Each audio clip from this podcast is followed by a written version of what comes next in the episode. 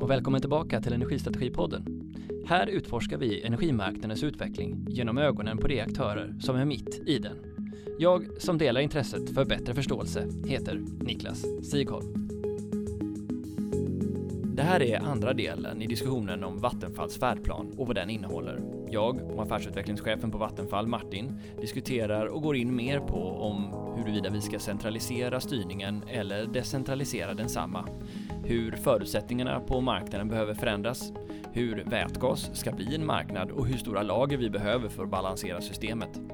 Och till slut hur han ser på vägen framåt. Kul att ha er med!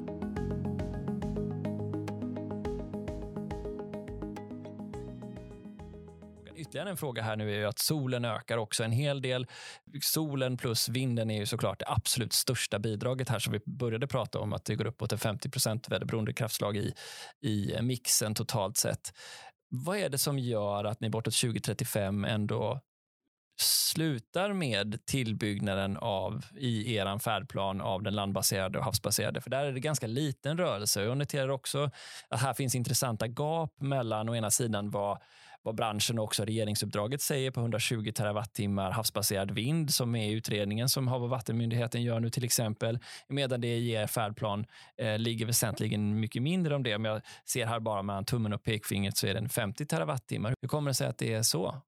Vi tror att det är klokt att sätta miniminivåer per kraftslag för att komma igång och börja bygga. För att sätta en, eh, en tydlig signal till marknaden att, att det finns en vilja från Sverige att få in en viss mängd landbaserad vindkraft, havsbaserad vindkraft, solkraft, kärnkraft. För då kan man starta projekten och driva på med en trygghet. Sen har vi också en ödmjukhet för teknikutvecklingen och samhällsutvecklingen. Att vi vet inte vilken som är den bästa mixen kring 2040. Det är för tidigt att säga. Så låt oss lämna en andel av den nya produktionen för senare beslut. Så det är därför vi har en, en kraftig utbyggnad av vind och sol från och med idag fram till första halvan av 30-talet. För, för då vet vi att det finns ett starkt behov från industrin. Kärnkraften, även fast vi kör på full fart i, med ett nytt kärnkraftsprogram så hinner vi inte få in eh, nya reaktorer innan början av 30-talet. Så låt oss då använda de teknologier som, som vi har tillgängliga. Men sen, och sen när det kommer till kärnkraftsprogrammet så ser vi att där finns det en som minsta kritisk massa att bygga. Det är, det är, ingen vits med att planera för en kärnkraftsreaktor och säga att sen får vi se. Utan då, då kan vi med säkerhet veta att den skulle i så fall bli ett väldigt dyrt projekt om vi byggde en reaktor och sen la ner. Utan kärnkraft är det typ av liksom, riktigt långsiktigt kraftslag som också har en hel del eh, gemensamma kostnader i bränslehantering och eh, det som vi kallar backend-kostnader. Då. Man kan lyssna mer på Martins podd, Martin Darelius podd för att höra omkring det. Då. Men att, att ta hand om avfallet på ett ansvarsfullt sätt. Och det driver kostnader som man vill då slå ut på flera reaktorer. Så därför säger vi att bygga åtminstone 4 till 6 gigawatt kärnkraft. Det är det minsta vi vill göra om vi genomför ett nytt kärnkraftsprogram. Så det är det vi har lagt in i färdplanen, vårt exempel på färdplan och sen lämnat ytterligare 30-40 terawattimmar för senare beslut. Och då kan det bli ett större kärnkraftprogram eller det kan bli en, en fortsatt utbyggnad av, av sol och vind. Men om man ändå tänker så här, jag har ju haft med både Anna Werner från Svensk Solenergi, jag har haft med Daniel Balman från Svensk Vindenergi och vi vet att ja, för vind som är det absolut största kraftslaget, där, där ligger det ansökningar på 270 terawattimmar i Östersjön och runt eh, till Västerhavet. Om ändå att eh, det kanske vid anvisningsområdena ska begränsas till 120 terawattimmar, vilket ändå är våldsamt mycket mer än ni har med. Om vi tar sol så är det, har de ambitioner uppåt på 30 terawattimmar, ni har med där 15 här. Är det så att man måste hålla igen investeringar som vill göra sig förnyelsebart för att få plats med kärnkraften? Eller är det en feltolkning? Jag tror inte man bör hålla igen någonstans. Det här är miniminivåer. Det finns ingen begränsning i om man vill utveckla mer och man kan göra det eh, liksom med hänsyn till andra intresseområden. Så att det är klart att eh, ska man bygga ut mer vindkraft då tar det också upp mer yta. Till havs har vi mer yta. Så det... Jag tänker det kommer också påverka affären tänker jag, för kärnkraften. För jag menar, skulle vi då, säga att vi maxar vindkraften och vi maxar så då bygger vi ju ut lika mycket som ni har fram till 2045 och, och ytterligare lite till med väderberoende kraftslag. Och det är klart att det kommer ju påverka prisbilden på marknaden, eller hur? Ja, det är därför vi kommer tillbaka till att vi tror att man behöver kapacitetsmål och planeringsmål per kraftslag för att ge en trygghet i att varje kraftslag har en roll att fylla i systemet. Och då kan man för, som investerare känna en trygghet i att det kommer åtminstone bli så här många gigawatt som, som man då kan konkurrera om på den marknaden. Sen om det finns framkommer att vi kan bygga ytterligare mer. Vi ser en, en betalningsvilja här för att driva ytterligare ett, ett vindkraftprojekt eller ytterligare kärnkraftverk. Det, det är fullt möjligt. Så det viktiga är att vi kommer igång. Jag, jag tror att det blir en, en lite teoretisk diskussion att prata om tänk om vi bygger alldeles för mycket eller liksom måste vi hålla igen när vi idag knappt bygger någonting. Det är väldigt mycket av de nya projekten nu som, som inte får tillstånd eller fastnar i tillståndsprocesser eller inte har nätanslutning. Så att fokus tycker jag ska ligga på att låt oss komma igång och bygga, bygga ut alla kraftslag vi kan, vidareutveckla kärnkraften så vi kan bygga den så snart som möjligt. Sen kan vi eh, titta på det här igen om, om fyra år eller om åtta år och, och lägga till ytterligare och då kan vi välja baserat på den kunskap vi har då vilket kraftslag vi väljer att öka ytterligare. Ja, man skulle kunna argumentera, eller peka på att jag nästan argumenterar mot mig själv. Att du å ena sidan säger att ja, varför bygger ni inte mer? Och så säger jag, men här kan man bygga mer. Och vad händer då? båda gångerna säger du att ja, men varsågod. Det kommer finnas en efterfrågan och den kommer då att utvecklas beroende på hur mycket vi bygger i varje del. Det är ju intressant att du tror att det finns liksom avsättning. För finns det produktion så kommer vi också få nya kunder. Är det så du resonerar? För det finns ett, ett uppdämt behov i Europa. Vi kommer få Eh, utveckling av Sverige AB. Hur sann är den bilden om, om vi tänker på vår elproduktion? Tror du att, vi, att det är så? Har vi möjlighet att nå de här höga ambitionerna som, som olika kraftslagen har för sina bidrag till marknaden så kommer vi också se etableringar som drar nytta av det. Det finns ju ingen absolut begränsning i att vi ska bygga 300 terawattimmar och sen inte mer heller utan om man tittar i ett europeiskt perspektiv, jag menar, behovet av fossilfri el är ju enormt. Så om vi mäktar med som land att, att bygga mer än 300 terawattimmar och sen exportera antingen i form av elintensiva produkter eller som vätgas eller för den skull även el till andra länder som har mindre landyta, kanske inte har kärnkraftskompetens. Då kan vi göra ett, ett ännu större klimatbidrag till Europa. Så det är därför ni lämnar den här kan man säga, osäkerhetsfaktorn kan man väl säga i er färdplan som ja, den, den skiljer sig ju, men den startar 2035 och så är det oklart, men den blir hela vägen upp till 20 terawattimmar 2045. Det fyller ni inte ut med någonting, utan ni säger det här kan vara en kombination av olika saker. Det kan vara enskilda saker.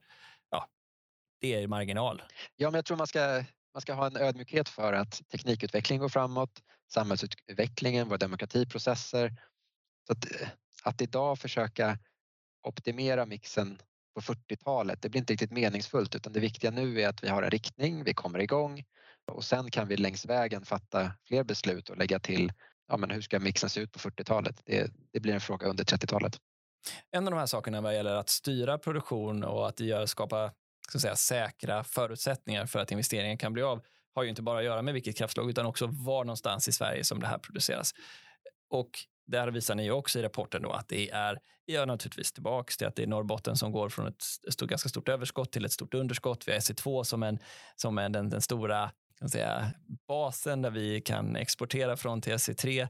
Medan i SE3 och SE4 så har vi rätt så betydande underskott och de underskotten kommer då att bli etter större eh, när vi tittar framåt. Hur ska vi tänka kring den geografiska lokaliseringen om den nya kraftproduktionen? Vad är viktigt att ta med oss och vad tror du på? Ja, men om vi inte bygger ut någon ny elproduktion utan bara tittar på hur efterfrågan utvecklas så kommer vi gå till att tre av fyra av våra elprisområden kommer vara ordentliga underskottsområden redan till 2035. Eh, det är egentligen bara SE2 som, som kommer ha mer produktion än, än efterfrågan. Men även SE1 där vi historiskt sett har haft ett kraftigt överskott och alltid exporterat kraften söderut. Med de industrisatsningar som sker så ser vi att det här kommer att svänga i början av 30-talet redan. Det är inte långt borta. Så budskapet här blir att vi behöver mer elproduktion i hela landet. Och det är inte bara i norr det behövs heller utan det, det sker en kraftig elektrifiering i prisområde 3 drivet inte minst av västkusten, vilket vi pratade en del om. Eh, för att kemi och raffinaderiklustret på västkusten ska ställa om så krävs otroliga mängder vätgas, vilket driver el. Men det är också här många av våra storstäder ligger, Stockholm och Göteborg. och elektrifiering av, av transporter längs våra motorvägar gör att prisområde 3 kommer att också se en kraftigt ökad efterfrågan. Så att vi behöver ny kraft i alla delar av landet. Och Ska vi lösa det här genom mer elnät eller genom att lägga produktionen där efterfrågan finns? Precis, och jag, jag tror att det är både och. Jag tror att det blir att bara bygga ut elnät och ha kraftproduktion i en del av landet, det blir väldigt dyrt och eh, inte heller ett särskilt robust system utan att så mycket det går bygga produktion i närheten av där konsumtionen kommer, tror jag är klokt. Men att samtidigt också se att ju mer vindkraft det byggs ut, desto mer så finns det också ett värde i att ha en ökad överföringskapacitet. För det blåser inte alltid lika mycket i hela, hela landet. Säger du att det vore klokt att inte ha ett kommunalt veto? Det känns som en helt annan fråga. Jag tror att det är jätteviktigt att ha en ehm, stark demokratiprocess kring hur vi utvecklar det här. För ett brett stöd för elektrifieringen är absolut avgörande för att lyckas. Kommunernas inflytande är jätteviktigt. Jag tror att hur det har utformats historiskt det, det, kan vi nog utveckla. Jag tror att kommunerna har fått för lite tillbaka från när man har lokal elproduktion. Och och som vindutvecklare har man för sent fått besked från kommunerna om man inte vill ha ett kraftslag eller vad man vill ha kraftproduktion. Så jag tycker vi har exempel på väldigt nära och bra dialog med kommunerna där de är med och redan tidigt pekar ut här ser vi, här är våra vindkraftsområden och att kommunen tar fram vindkraftsplaner. Det tycker jag är, är väldigt konstruktivt sätt för att få med kommunerna i utvecklingen. Hur viktigt är det att vi får eh, rätt sida på incitamenten som du ser det, att säga ja till ny kraftproduktion? Ja, men det tror jag är jätteviktigt att alla känner att man, man är med och bidrar men man också tjänar någonting på elektrifieringen. Att det inte bara är så att man, man får betala i termer av att det, det exploateras mark inom ens kommun eller man, man behöver se kraftverken nära sig eller elledningarna utan att, att man också ser att vår del av landet, vi producerar mycket el men vi har också en, en intäkt från det. Det kan vara både direkta intäkter men det kan även vara att man ser värdet av arbetskraften. Så där finns också en vits med att lägga kraftproduktionen i de delar av landet där elen behövs. Så att man, man ser att det finns en koppling, man ser hela värdekedjan från kraftverken till industriproduktionen och arbetstillfällena. Ja, men givet vad vi har sett i form av ja och nej från kommunerna hittills, så utan att behöva pressa dig på exakt vad som skulle göras, för jag antar att du inte vill svara på, men givet det och det du säger nu, så behöver vi se på det här som ett viktigt område att reformera för att få ett annat resultat jag tror att vi ska se på det som ett jättestort samhällsprojekt, att lyckas med klimatomställningen. Vi har det är en otrolig omställning som påverkar väldigt många människor och det behöver dessutom ske väldigt snabbt. Så att hur man, att, att göra det här och också få ett stöd bakom att det sker, att man känner att man är med i en dialog och att så många som möjligt känner att de är vinnare i det. Det tror jag är jätteviktigt. Hur gör vi då med de här kritiska områdena som ni har pekat ut? De är ju välkända vid det här laget. Jag tror jag pratat med SVK om dem flera gånger. Du har dels har du snittet över SE1, SE2, Norrbottenregionen som skulle kunna behöva massvis med investeringar i nya elnät. Eh, du har Stockholmsregionen, du har eh, väst, alltså västöstlig riktning, snittet upp mot Värmland som idag har en särskilt svår situation ner mot Östergötland till. Du har hela västkustsnittet och du har då naturligtvis eh, SE4 och Skåne, Lund, Malmö-regionen. När vi har sådana här lokala stora problem, är det, är det saker som ni ser framför er ska lösas med central planering eller är det mer decentraliserade marknader som ska till och lösa det där? Men det var kopplat lite till det vi, vi diskuterade tidigare, hur man kan i en region också sitta, sitta gemensamt och se nu har vi de här begränsningarna och flaskhalsarna. Hur kan vi lösa situationen antingen genom att få in mer flexibilitet och därmed bli mindre beroende av, av elnätet och begränsas av flaskhalsar i elnätet. Eller om man kan faktiskt dela på kapaciteten på ett bättre sätt. Så att jag tror att vi, vi behöver komma ifrån ett system där, där man bara så tidigt som möjligt ska kinga så mycket effekt som möjligt och sen behålla den reserverad utan att man använder. Utan få till ett effektivt resursutnyttjande av elnätet tror jag ska vara vägledande. Reform kallar jag det. Det är spännande att se.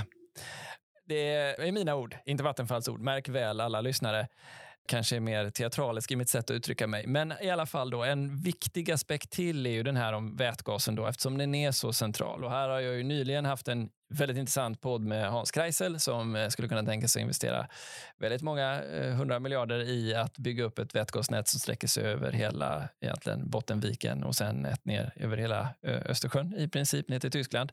Ni lägger upp en lite mer avskalad plan hur, eh, som då är två områden. Det ena är på västkustsidan och det andra är kan man säga uppe i, i Bottenviken, Norrbottenområdet upp till Gällivare.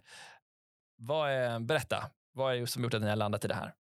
Jag tror man ska se vätgasledningar som ytterligare ett verktyg som vi faktiskt har i verktygslådan när det kommer till energiöverföring. Så att vi ska inte om vi tittar på den utmanande situationen för elnät så måste vi också bredda den till att inkludera andra former av energiöverföring eftersom två tredjedelar av den tillkommande elen som behövs i slutändan kommer att användas som vätgas så får vi fundera över vad är det klokaste ur ett systemperspektiv? Ska vi producera vätgasen på industrisajten där industri, fabrikerna ligger? då måste vi ha mycket elnät för att ta elen till de elektrolysörerna. Eller ska vi istället placera elektrolysörerna bredvid kraftverken och bygga vätgasrör från kraftverken till industrisajterna? Då behöver vi istället eh, bygga vätgasrör. Och det finns starka skäl till att i, i vissa områden välja vätgasrören. Och det handlar dels om en kostnadseffektivitet. Även om vi är försiktiga så är det liksom eh, kanske en tredjedel av kostnaden för att bygga elnät om det handlar om stora mängder energi där man behöver nyinvestera i antingen elnät eller vätgasrör. Jag tror att Hans Kreisel sa en ännu större kostnadsbesparing så jag tror att vi la oss på den försiktiga kanten där. Men det är väldigt mycket billigare att bygga rör än att bygga elledningar. Ja. Och det andra är att det faktiskt också kan minska intressekonflikter i vissa fall. Att man behöver inte så breda ledningsgap där utan man kan istället gräva ner ett rör i de fall man eh, ska bygga, bygga vätgas. Så det kan finnas flera anledningar och då kan man också komma snabbare fram tror jag. Men jag tror att man ska fokusera utbyggnaden av vätgasinfrastruktur eh, till de områden där vi har en tydlig efterfrågan på vätgas och där det finns då en eh, möjlig produktion så att man bygger regionala vätgaskluster. Då skapar man också en betalningsvilja för det på plats. Och det var så, om man kan dra paralleller till när elnätet växte fram. Det var inte så att vi byggde ut elnät över hela Sverige från dag ett utan man börjar lokalt mellan kraftproduktionen och konsumtionen. Och sen tids nog så finns det en vits med att koppla ihop det här så jag tror också att vätgasinfrastrukturen kommer utvecklas över tid och kopplas ihop både till Europa och, och i flera områden i Sverige. Men det är tydligt att det är ganska koncentrerat till Norrbotten och till västkusten i Sverige där industrialiseringen med just eh, vätgas som, eh, som en stor energibärare kommer ta fart. Och du får ju massa lager i nätet också, tänker jag. Och nu koppla tillbaka till det du sa tidigare. Det blir som ett visst lager och en viss buffert i näten, men man behöver framför allt bygga underjordiska lager. Vätgasen kräver så mycket volym så att du behöver större bergrumslager. Så det är ju vår tanke då för att kunna möta effektbalansen, att man investerar i, lager. Det kan på sikt handla om, om 5 till 10 vätgaslager i Sverige är riktigt stora så skulle det ge ett ordentligt bidrag till eh, att balansera energisystemet. Vad är riktigt stora? Vad är det för energivolymer vi behöver spara? 6-7 gigawatt i flexibel elektrolysörkapacitet som man antingen kan köra eller inte köra. Så att eh, om vi tittade till en början att vi hade ett effekt, möjligt effektgap på 10 till 15 gigawatt så hälften skulle kunna mötas av flexibla elektrolysörer om vi har bergrumslager då för att eh, hantera det och, och, kunna ta vätgasen ifrån när det inte blåser. Det verkar som att du i grund och botten håller med Nordion om det resonemanget att eh, vätgasnätet byggs ut. Ju fler avsättare det byggs ut, ju bättre kommer marknaden för vätgas också fungera, som princip i alla fall. Bara att de vill ta så långt som det bara går, så snabbt som möjligt. Jag, jag, tror att det börjar med ett fåtal stora användare och sen när den infrastrukturen finns på plats, då är det naturligt att till en marginalkostnad koppla på fler. Och sen kan man över tid se att, att det finns ett värde i att koppla samman fler och fler områden. Så jag tror att vi bara har sett början på, på en vätgasinfrastrukturutbyggnad. Men det, att komma igång är, är det som är utmanande. Idag har vi inte någon tydlig lagstiftning. Vad krävs för tillstånden när man ska bygga vätgaslager och för vätgasrör. Så att de projekt som vi driver på nu så blir att vi liksom testar lagstiftningen hur fungerar det som tillståndsmässigt att, att genomföra vätgasprojekt i Sverige? Så här tror jag att vi behöver jobba tillsammans mellan myndigheter och branschen i att liksom, utveckla lagstiftningen kring det också. Ja, det var ju ni en gång i tiden när ni både var, var SVK också som byggde ut elnätet. Nu är det ju före både din och min tid, för all del. Så gamla är vi inte. Men, men vem ska äga ett sånt här nät som ju också blir ett väldigt viktigt stamnät i Sverige i din mening? Jag tror att det är, till en början så kan det ske i regionala kluster. Det kan vara privata ägare som, som hittar ett, ett sätt att ställa om en, en värdekedja och att man kan göra det utan att vänta på att, att det finns någon liksom, nationell samordnare. Men ser vi på lite längre sikt, då tror jag att det här är ju en, en infrastrukturverksamhet som kräver systemplanering. Det är liksom ett naturligt monopol. Jag tror att man ska ha en, en TSO eh, som är statlig för att liksom värna Sverige ABs bästa här. Okej. Okay. De här planerna som ni visar nu, det är fram till 2035, visst är det så? Och så har ni någon idé om utvecklingen fram till 2045? Jag tror att de första vätgasledningarna för att binda ihop vindkraftparker med eh, industrikunder och så, det kommer nog ske innan 2035. Jag tror till 2045, möjligt att man till exempel då ansluter till Danmark och därmed eh, kopplar ihop västkusten till eh, det europeiska vätgasnätet. Huruvida man kommer att bygga en vätgasrör längs med hela Sverige vet jag inte. Sverige är ett avlångt land. Jag tror att man ska liksom, titta på varje sån investering och liksom, finns det någon anledning att göra det? Ja, kanske. Vill man koppla ihop sig med Finland? Kanske. Men fokus nu bör vara att bygga de här regionala systemen. Få lagstiftning och kompetens på plats för att kunna bygga de här lokala systemen som i sig kommer vara stora. Så vi kan prata liksom tiotals terawattimmar i energiproduktion som då produceras och levereras som vätgas. Okej, nu lämnar vi vätgasen, och försöker summera ihop den här säcken. Nu har ni lämnat en färdplan med, som du säger i början, den, eh, jag förstår den ärliga ambitionen att eh, ge er syn på hur det här skulle kunna utvecklas de närmaste 10, 15, 20 åren och också ge input för en god dialog, om jag förstår dig rätt. Hur, vad blir nästa steg för att upprätthålla och bibehålla den goda dialogen? Återigen, när får du en av mina tolkningar, för det var ju ett möte där de olika politiska partierna skulle samlas kring att ha en gemensam idé kring energipolitiken. Det verkar inte ha hänt särskilt mycket sedan dess. Hur får vi dialog emellan då politik, samhälle, industri och alltså bransch och näringsliv att fungera? Vad är framgångsfaktorerna nu och vad blir er roll i det?